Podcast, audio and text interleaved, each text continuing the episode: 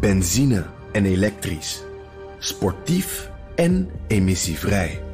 In een Audi plug-in hybride vindt u het allemaal. Ervaar de A6, Q5, Q7 en Q8 standaard met quattro vierwielaandrijving. Wat u ook zoekt, u vindt het in een Audi. Audi. Voorsprong door techniek. De column van Bernard Hammelburg. Op de G7 in Japan klonk stoere taal tegen China. Diplomatiek vuurwerk was het. Het was hoog tijd om de Chinezen stevig de oren te wassen over hun dwingelandij, ondermijning van de westerse belangen, diefstal van westerse kennis, schending van de mensenrechten, bedreiging van Taiwan en de regio en wurgcontracten met ontwikkelingslanden. Dat moest afgelopen zijn. Klaarblijkelijk geloven de G7 in sprookjes, want in werkelijkheid zijn de economieën van China, Europa en de Verenigde Staten zo verstrengeld dat plannen om de afhankelijkheid van China te verminderen niet meer zijn dan een slag in de lucht.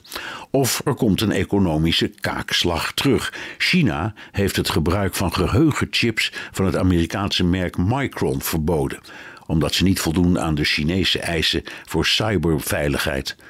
Wraak voor de ASML-kwestie? Of voor wat de Chinezen de hetze tegen Huawei noemen? Reken maar. De werkelijkheid is simpel. Chinese luchtvaartmaatschappijen hebben duizenden Boeings en Airbussen met eigen assemblagefabrieken. De Duitse en Amerikaanse auto-industrie vindt voor een onmisbaar groot deel plaats in China. 90% van de Amerikaanse antibiotica komt uit China. Amerika is de grootste Chinese handelspartner, Nederland trouwens de zevende. Tijdens de Chinese lockdown lagen zo ongeveer het hele mondiale containerverkeer en de wereldwijde aanvoerketens plat.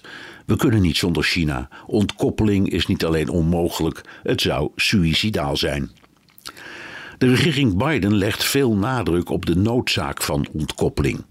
Europese Commissievoorzitter Ursula von der Leyen heeft een politiek eufemisme bedacht. We moeten niet ontkoppelen, maar de risico's verminderen. De-risking is het nieuwste politieke modewoord.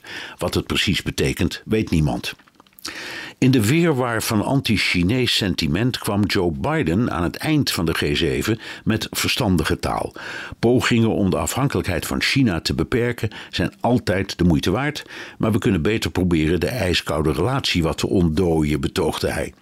Dat had hij op de G20-top ook met Xi Jinping afgesproken. Maar toen kwam, zoals Biden het nu noemt, die idiote ballon die was gevuld met het equivalent van twee wagons aan spionageapparatuur. Minister Blinken zegde na dat incident een reis naar Peking af. Die was opgezet ter voorbereiding van een telefoongesprek of topontmoeting tussen Biden en Xi. Kennelijk wordt dat initiatief hervat.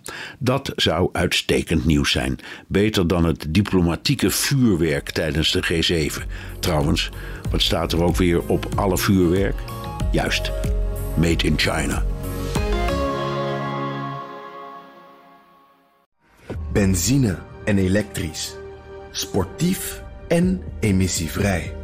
In een Audi plug-in hybride vindt u het allemaal.